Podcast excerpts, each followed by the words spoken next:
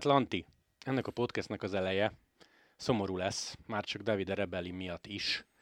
Szerdán jött a hír, nyilván mindenki hallotta, hogy edzés közben elütötték azt a David Rebellint, aki, és ez, ez az egyik legdöbbenetesebb a szituban, aki 51 évesen, 71 születésű volt, pont most vonult vissza októberben a Veneto klasszikon tekert utoljára, majd egy hónap múlva jön a hír, hogy elütik edzés közben. Döbbenet. Döbbenet. Én amikor megláttam a hírt, azt hiszem pont Dina Marci dobta, hogy ez igaz-e, egyből azt futott át a fejemen, mint Scarponinál, hogy ez tuti csak baleset, és mondjuk kórházba szállították, és még nem igaz, és nehogy már pont ő. Félelmetes, félelmetes volt tényleg szembe találkozni a hírrel, azzal, hogy ennyire hosszú ideig láttuk őt versenyezni, sokat beszéltünk róla pont ezért, hogy egy genetikai csoda az ember, hogy 50 fölött így tud versenyezni, és a, terveztünk Gergővel az utóbbi hetekben egy podcastet arról, hogy hát ilyen az idei évben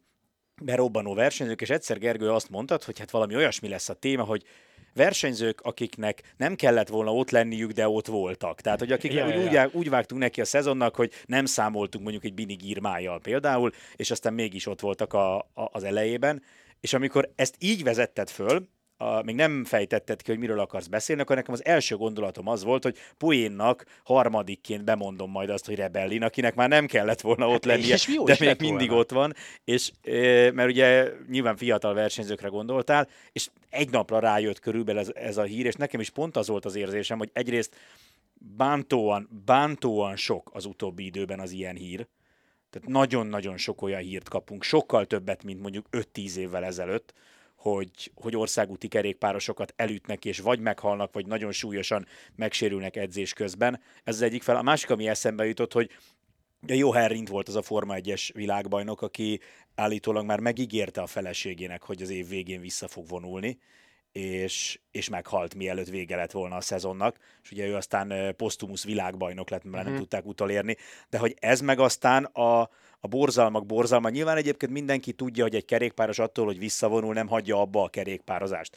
Tehát azért nem arról volt szó, hogy Rebellin úgy döntött, hogy soha többet nem ül kerékpára, de ez, ez egyszerűen, egyszerűen felfoghatatlan, hogy, hogy, hogy végigélte a pályafutását, 50 fölött vonult vissza, és utána pár héttel később meg szörnyű. Igen, és ö, talán még szörnyűbb, bár ö, azt hiszem Scarponinál is pont ez volt, hogy nem messze attól a helytől, illetve a családi háztól, mm. ahol ő felnőtt, meg ahol az anyukája, már kezded el az édesap egy, azt hiszem, hogy három hónappal korábban hunyt el, szóval az anyukája meg a két tesója lakott, ez egy Verona és Vicenza közötti kisváros egyébként, Montebello Vicentino, így hívják magát a települést, ahol a tragédia történt, és az egyik tesója megszólalt Rebellinek, azt mondta, hogy 12 éves kora óta megy ezeken az utakon. Tehát ez nagyon Igen. durva. Nyilván a tragédia az nem válogat, hogy életedbe először mész ott, de azért az, hogy az állandó körödön történik ez, az nem tudom, talán valahogy így, így még durvább. És még egyszer mondom annak fényében, hogy már mi is szerintem adásban ezzel poénkodtunk is túlzás, hogy még egy év, még egy év, megint itt van, megint itt van, és most, amikor októberben bejelentette, hogy ennyi volt, sziasztok, akkor, akkor jön a tragédia. Amúgy kezd el, és ez fontos elmondani, hogy pénteken délután beszélgettünk, pont pár órája lett meg a sofőr. Állítólag, hangsúlyozom, mert ilyenkor tudod, ki szoktak jönni utólag infók, amikor a rendőrség mindent elmond pontosan. Német rendszámú kamion, valószínűleg német állampolgárságú sofőrje, akit ilyen másfél napig nem is találtak, tehát valószínűleg hazament, vagy legalábbis elhagyta Olaszországot, illetve még azt sem tudni pontosan, most, amikor beszélgetünk, hogy látta-e. 11 darab kamera rögzítette a szitut, uh-huh. És hát amit olvastam a sajtóban, az az volt, hogy volt egy érdekes mozgása az autónak, amiből arra következtettek, hogy minimum vagy kihajolt, vagy ment egy plusz kört a körforgalomba megnézni, hogy történt valami, vagy csak hallotta a hangot.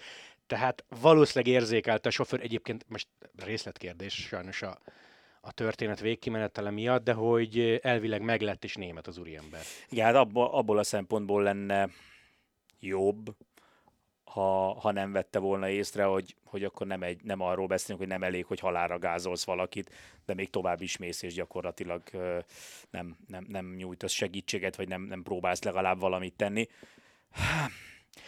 Nehéz, nehéz, nagyon nehéz ez, és tényleg a, a, én nem számoltam most össze, majd lehet, hogy egyszer megtesszük, vagy lehet, hogy írsz is erről majd, hogy az utóbbi időben hányan? Csak edzésen, versenyen kívül.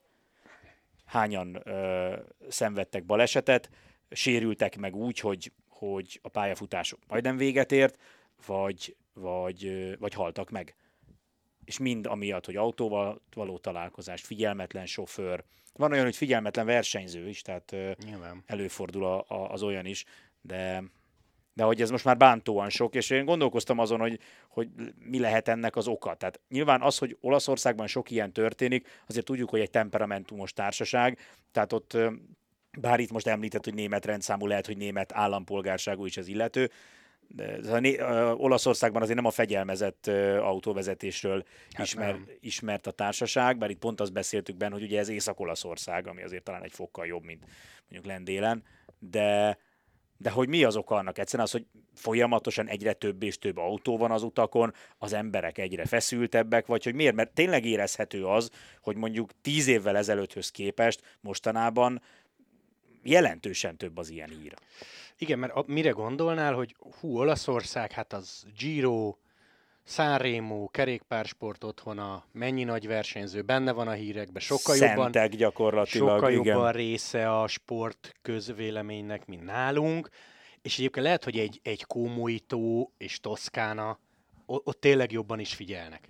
De amikor abba belegondolsz, hogy Alicante környékén volt jó pár évvel ezelőtt Degenkolbék baleset, tudod, ahol az újja. Igen, igen. Alicante decemberben egyenlő összes kerékpárcsapat. Tehát azt szerintem nem tudsz úgy menni két kilométert, hogy országúti kerékpár csapattal ne találkoz. Jó, mondjuk azt hiszem egy brit nő Brit volt, aki volt, összekeverte a Igen, összekeverte a haladási irányt. Igen, szóval igen. erre gondolnál, és nem, van stat, kezd el, az elmúlt három évben átlag 250 ember hunyt el Olaszországban, közúton, kerékpározás közben. És ez csak Olaszország. Ez csak olasz, olasz stat, ami azt jelenti, hogy 2021-ben 40 óránként halt meg valaki, biciklistaként az úton. Ebben nyilván nem csak profi, meg országút is van Igen. benne, de mindenki, aki tekert, és közúton. Igen. Azért nem, nagy akar, szám. nem akarom elviccelni a dolgot, de egy átlag NB1-es mérkőzés nézőszáma. Hát az- amúgy, ja. Nagyon kemény. És idén azt írták a Rebellinnel foglalkozó cikkekben a naponta, hogy most közelítenek a 300-hoz.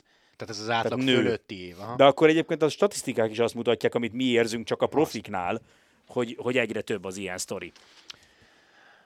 Úgyhogy Davide Rebellin, nyilván vannak fiatalabb hallgatók, akiknek nem mond annyit a neve, de azon gondolkoztam, hogy ő ugye 2004-ben megcsinált ezt a nagy Ardenneki triplát, tehát hogy egy hét alatt, egészen pontosan 8 nap alatt, Amstel, Lies, Flashwallon. Ő összesen nyert egyébként Flashwallonból hármat, és rettentő buta a példa, hogy, hogy kihez tudnád hasonlítani, de Davide Rebellin a 2000-es évek közepén olyan volt, mint manapság egy Alaphilipp, hogy elindul az Ardennekieken, és tudod, hogy ha rosszabb formában van top 5, ha kiadja, neki nyer. Tehát ilyen, ilyen versenyző Igen, volt. neki volt egy olyan éve, mint ami utána Philip Gilbertnek volt valamivel késő, amikor egész szezonban Mhm. uh-huh. őt csodáltuk az egynaposokon.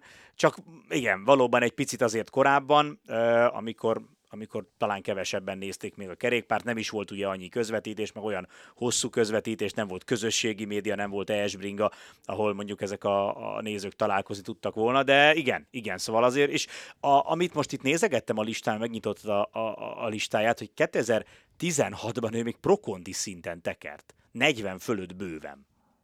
Igen, és azért lett volna jó, ha ő egyszer ebbe beleáll és elmeséli, mert ugye 2008 olimpia, utólag elvették Igen. az ezüstjét, hét, ismétlem, hét év múlva felmentették, de magát az érmet soha nem kapta vissza, és tök érdekes, hogyha Peking környékén húzol egy vonalat, ő utána nagy csapatba mert azért hosszú évekig volt Gerol Steineres, volt ő Polt is, volt ő Likvigászos, tehát nagyon nagy csapatban nem térhetett vissza, és arra tett egyébként utalásokat, oké, okay, hogyha a legfelső szinten már nem, akkor legalább sokáig. Igen. És ugye ez történt meg vele. Az egyik legdurvább rebellin stat szerintem, csak ha így belegondolsz, hogy ő az élete első profi versenyét pár nappal a barcelonai olimpia vége után tekerte. Hm. 92 nyár. Nagyon durva. Azt akartam kérdezni, hogy arról olvastál esetleg valamit, arról nyilatkozott, hogy, hogy miért pont most? Tehát, hogy már úgy érzi, hogy a szervezete nem úgy bírja, vagy egyszerűen hozott egy döntést, tehát, hogy most nyilván valamikor ugye be kell fejezni, de hogy nagyon érdekes, hogy, hogy, hogy elversenyezgetett 2022-ig, és, és hogy miért pont, miért pont most döntött úgy? Találtam egy uh, Vicenzoi újságban megjelent cikket, ami pont így promózták, hogy az utolsó Rebellin interjú, és én is erre gondoltam, de nem volt benne. Tehát ilyen kinél kezdett, melyik edzőnek mm. köszönhet sokat, első győzelem, miért teker még mindig, most nyilván arra a válasz az volt, amit szerintem már sokan olvastak tőle, hogy egész egyszer nem tud leállni, meg imád tekerni, és mondta például, hogy idén azért még bicózgatott volna, ilyen félamatőr gravel versenyeken indult volna, de így konkrétan a kérdésedre nem válaszolt, Aha. hogy most nyilván, ha 51 évesen el tudsz tekerni, akkor lehet, hogy akkor 52. 52 csak igen, akkor meg soha nem lesz vége ilyen Igen, de hát ugye Valverde is egyébként azért az idei évben pont láttuk, hogy ha még maradna egy szezont, valószínűleg nem lenne rossz, sőt, lehet, hogy a Flash megint győzelemre esélyes versenyző lehetne. Úgyhogy egészen hihetetlen a hír, de ugye szerdai a sztori, David, David Rebellin 51 évesen elhunyt, és akkor menjünk tovább a másik téma, nem beszéltünk össze, és mielőtt belefogunk a témába, szerintem ezt nagyon fontos elmondani. Tök kíváncsi vagyok a véleményedre. Ha egyet fogunk érteni, akkor ez egy ilyen egyoldalú beszélgetés lesz, ha nem, akkor egy aranyos vita. Szóval a hét egyik híre volt, amit már bedobtak, tehát fel lehetett lélekben készülni rá, 2024-es Tour de France, tehát nem a jövő évi. Ugye lesz egy Párizsi olimpia, ezt tudjuk. Azt, hogy hol kezd az a verseny, még nem. Firenzét plegykálják, egyelőre nem hivatalos, ez egy tök extra ilyen olaszországi kezdés lenne. Viszont, ami gyakorlatilag hivatalosnak tekinthető, erről Prodom is beszélt, hogy nem Párizsban ér véget a verseny, hanem Nidzában, és egy időfutammal. Ugye 89 Finyon Lemon csata, mindannyian emlékszünk rá, amikor legutóbb időfutammal ért véget a túr, az igen szoros meccset hozott. Na, amit szeretnék tőled kérdezni, hogy te mit szólsz ahhoz, hogy nem Párizsban ér véget a túr. És még mielőtt válaszolnál, nyitok egy zárójelet, és abba oda teszem, hogy én rettentő szomorú vagyok miatta, de azt is megértem, mert nem voltam még párizsi csendőr, és nem szerveztem még olimpiát, hogy itt most nem arról van szó, hogy valaki kitalált valamit, és az újítás jegyében vigyük el Párizsból, hanem a kényszer szülte igazából. Ennek ellenére én szomorú vagyok az a baj, nem fogunk vitatkozni. Na, az jó. nem fogunk sajnos vitatkozni, mert, mert valahogy bennem is pont ez van a, a hírrel kapcsolatban. Hagyománykedvelő vagyok. A hagyománynak meg ugye az, az értelme, hogy az évről évre úgy van. Attól hagyomány a hagyomány, és én azt gondolom, hogy, a, hogy szóval nagy, nagy probléma, hogy a, a sportágak is, de nem csak a sport egyébként, hanem a világ is egyre inkább abba az irányba megy, hogy a pénzügyi érdek, meg a, meg a gazdasági siker az, az mindenek fölött áll, és miközben én vallom azt, hogy igenis, ha csinálunk egy sportrendezvényt, annak gazdaságilag is meg kell állnia. Tehát, hogy nincs értelme úgy sportrendezvényeket tartani, hogy csak nyeli az állam pénzét, és egyébként nem térül meg. Azt gondolom, hogy azért ez ne kerüljön mindenek fölé, és igenis legyenek hagyományok, amikhez ragaszkodunk. Bocsánat, bocsánat, de akkor effektív ebből kiindulva neked sem tetszik az, hogy a foci VB télen van, mert mondjuk ki, a foci VB nyáron van. Igen, igen, ez például egy olyan dolog, de mondjuk képzeld, hogy én ezt még, ezt még érdekes módon el tudtam fogadni, ha, ha mondjuk egy minden szempontból problémamentes tendernek a végén egy... Problémamentes tender? Igen, maradjunk. Ha ez, ha ez nem egy teljes, abszolút képtelenség, egy, egy, nem tudom én, egy afrikai országnak, vagy egy, egy olyan országnak ítélik oda, ahol tényleg nyáron elviselhetetlen a hőség akkor még el tudom fogadni ezt is, mert ott is azt mondom, hogy a kényszer szülte, és pont oda lyukadunk, amit te is mondtál, hogy most hagyjuk azt, hogy Katarral, meg az ottani értékrenddel ki mennyire szimpatizál, de Katarban sem azért van télen a világbajnokság, mert valaki kitalált, hogy jó de nagy buli lesz, hanem azért, mert nyáron megdöglene mindenki a melegtől, és nem mennének ki a nézők, és a játékosok is megpusztulnának. Amúgy, ha lenne mondjuk 10 forintod, és fogadni kéne hogy amikor a FIFA küldöttek szavaztak, ebbe belegondoltak-e, igen vagy nem, és nem biztos, hogy, biztos, hogy nem rakták össze, hogy nyáron oda nem lehet vinni. Szerintem. Hát szerintem se. Szerintem nem láttak ki a mögül, a nagy bőrönt mögül, amiben a pénz Na volt. jó, mindegy. Na mindegy, hagyjuk ezt a, ezt a dolgot, de, de, hogy, de hogy itt is az az érzésem, hogy, hogy ha, ha az ASO azért vitte volna Nidzába, vagy elvitte volna mondjuk Barcelonába, vagy elvitte volna mondjuk Münchenbe azért, mert egy valag lóvét kifizetnek, akkor azt mondtam volna, hogy elmentek a szülő édes anyukátokba. De így, hogy ők, ők fölvállalták azt, hogy a hagyományokhoz ragaszkodnának Párizsban, szeretnék, de most erre nincs lehetőség, így számomra ez elfogadható. Tehát valahol a realitást is néha nézni kell. Ritkán van ilyen, hogy a Tour de France a Párizsi olimpiával ütközik. Egyébként igen. Aztán belegondoltam abba is, hogy jövőre lesz a 110. túr, ezért pár évet kibírunk nyilván a 110-ből, amikor nem Párizsban ér véget. Igen. Az most senkit nem kell, hogy érdekeljen, hogy szerintem nem jó, ha időfutam a vége. Én nem szeretem, Én főleg sem. egy sem. mert tényleg, ha voltak a kerékpársportban biztos pontok, akkor hát mind a mellett, hogy mi ketten nem tudunk számolni, a Az második, egy biztos pont a kerékpársportban. a, a második az az volt, hogy Párizs, sprint, eredményhirdetés, Champs-Élysées. És ugye mindig azt mondták, hogy a nem hivatalos sprint, sprint világbajnokság, az egyik az Kerde Prize, a másik pedig ugye Champs-Élysées, és ez tényleg így van. Tehát, hogyha megkérdeztél egy sprintert, hogy mi lenne a pályafutása csúcsa, akkor a zöld trikó, a Tour zöld trikó mellett azt mondta, hogy szakasz nyerni a Champs-Élysées-n. És ezt elveszik most tőlük, elveszik tőlünk is, de, de így, tényleg így, hogy nem hobbiból, meg nem ö, még nagyobb zsákpénzszerzési célból történik ez, nekem így most ez elfogadható. Megint csak soha nem fogjuk megtudni. Engem érdekelt volna, hogy Christian Predom mennyire ment el a falig. Tehát mennyire vitatkozott össze, össze akkora emberekkel, akik itt döntöttek, mert most nincs előttem a naptár, nem tudom a dátumokat, még egyszer mondom, nem voltam még szerelő munkás a Sánzelizén, mert azt a kordon mennyiséget egyébként nem, nem egyszerű összepakolni. Nem tudom, hogyha vasárnap ér véget a túra, hogy szokott, hétfő reggel ott már van-e valami. Gyanítom, hogy ha- Prödom elment, vagy nem tudom. Nem De tudom. ha nincs is egyébként valami, akkor is ugye az előkészületek zajlanak. Tehát azért uh, Párizs erőforrásainak a jelentős részét le fogja kötni az, hogy az olimpiára készüljön.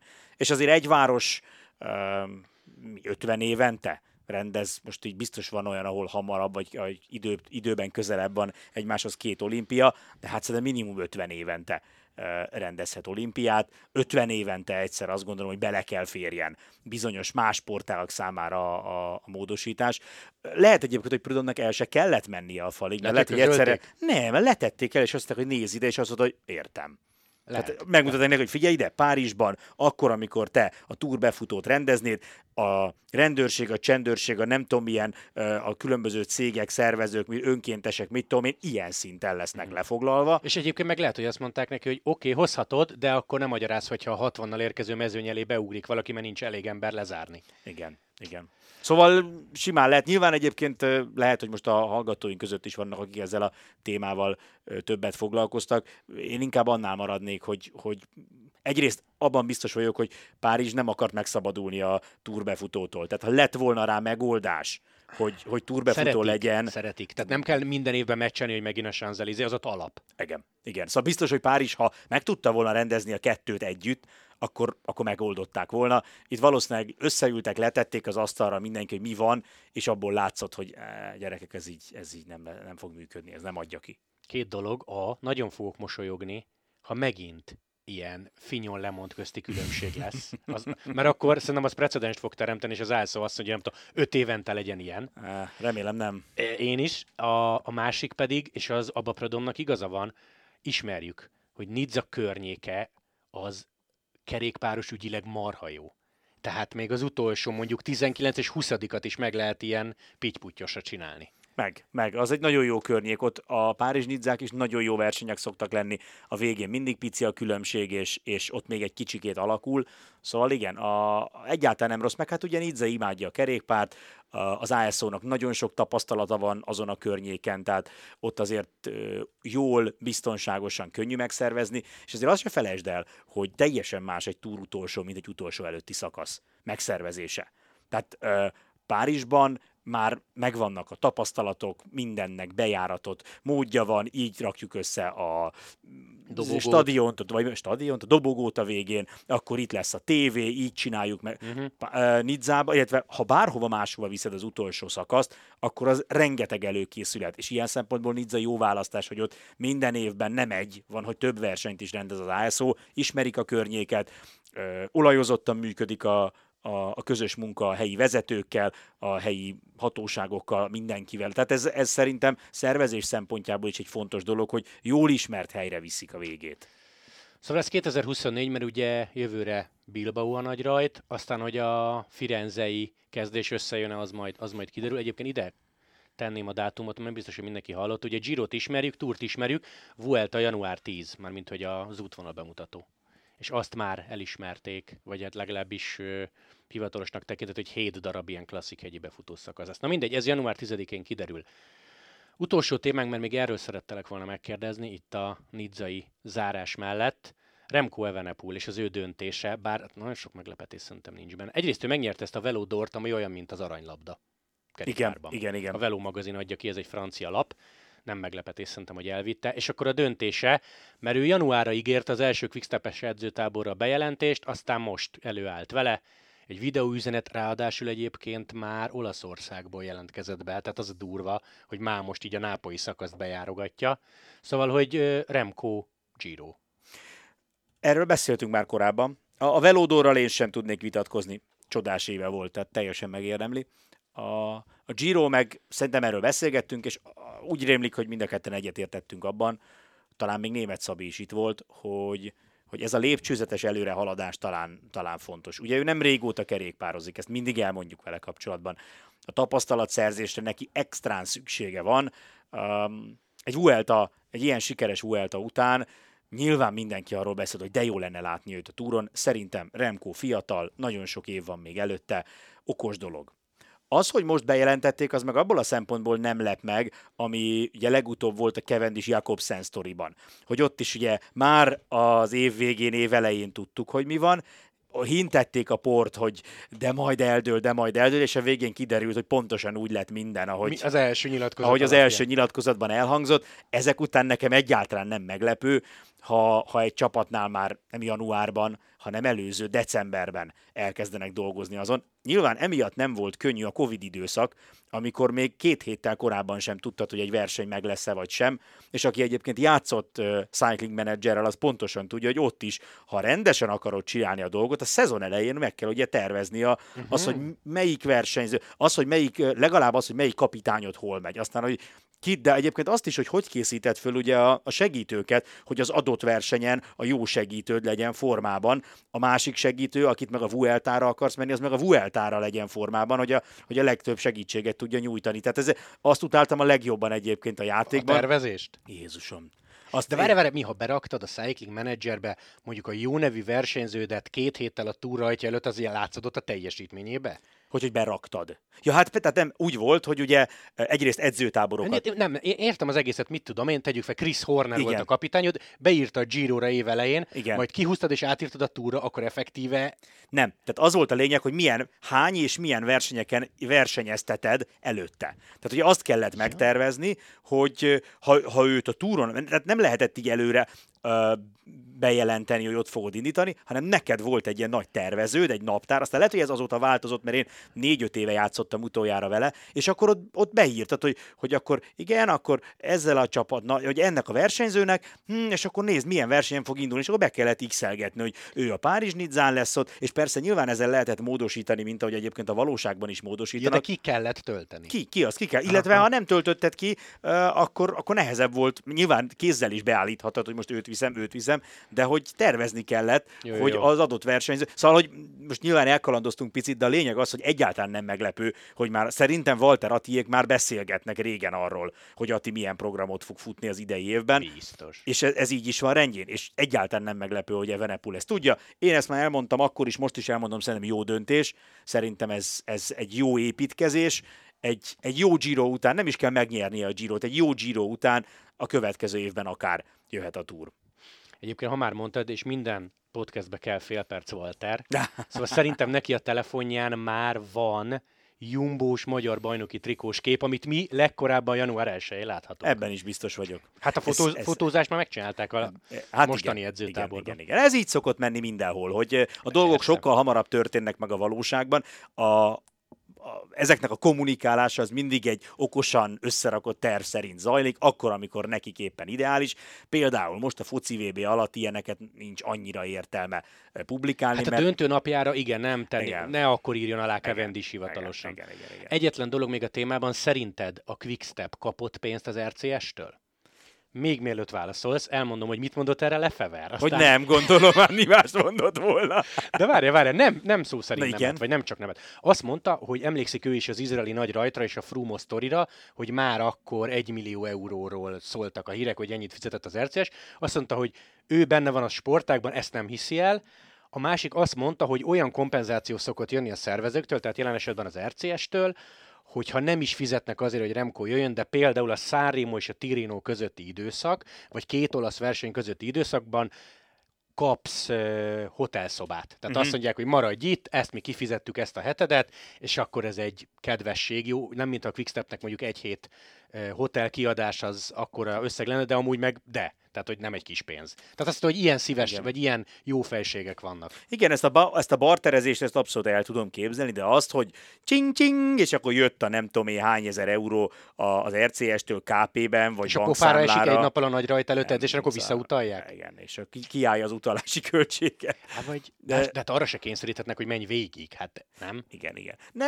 jó, hát nyilván az, az egy másik dolog, hogyha szóval, hogy a, egy szerződést köttök erről, abban valószínűleg bele, hát egy kerékpáros esetében ezt bele kell írni, hogy bukik, közben lesz beteg. Ez mindig benne van, abszolút. De a, alapból egyébként nem nem tartom kizártnak, hogy ilyen dolgok történnek, de meglepne, hogyha a Gironak erre szükssége lett volna, hogyha ez a Gironak... Giro... Hát az útvonallal üzentek annyit, hogy ne kelljen Igen, én is talán. azt gondolom, én is azt gondolom, meg a Giro nincs azért rászorulva arra, tehát ha nem indul Evenepul, akkor is jó versenyzők fognak indulni a Giron, ez biztos.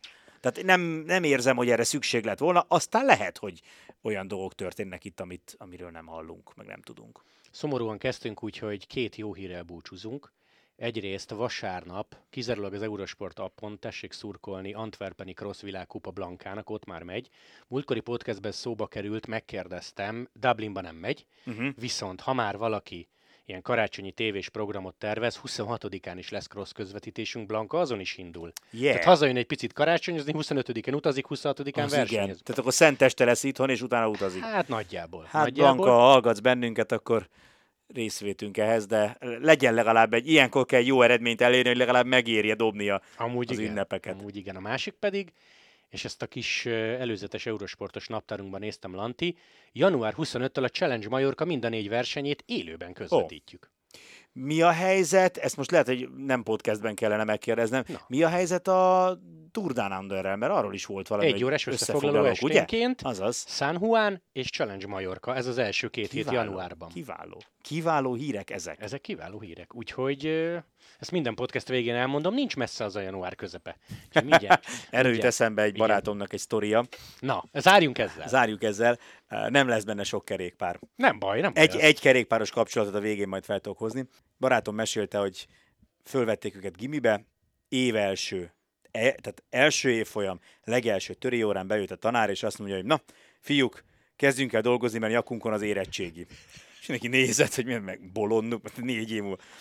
És a csávó ezt csinálta négy éven keresztül. Minden, minden nap alkalommal, az órára? Minden alkalommal, minden órára. És mindig röhögtek rajta, és amikor negyedikben az utolsó órájuk volt, akkor bejött, és az fiúk, mit mondtam? Nyakunkon az érettségi. Én megmondtam. Ez na, nagyon négy kemény, évig nyomta. Nagyon kemény. Négy évig készítette elő ezt az egy mondatot. Abba, tett, tett melót a poénba. Tett, tett melót a poénba. Mondjuk, mondjuk, ha ott vagyok, akkor rettentően Jó, nyilván egyébként lehet, hogy mondjuk nem minden, csak mondjuk minden héten elmondta Na, egyszer, de, tudtad, hogy de rendszeresen, Aha. rendszeresen, rendszeresen elmondta, és a végén ezt a, én megmondtam, hogy nyakunkon az érettségi. Akkor lehet, hogyha esetleg én fogom csinálni a, Várj, mi lesz időrendben? Szerintem a Tour Down Under lesz az Szerintem első. is az lesz, igen. Akkor lehet, hogy így kezdek majd. Ugye, ahogy megmondtam, hogy itt Megmondtam, hogy nyakunkon az új szezon. Na jó, e, de nem tudok jobbat, nem tudok jobbat zárásként, úgyhogy el kell köszönnünk, Lanti. Sziasztok! Sziasztok!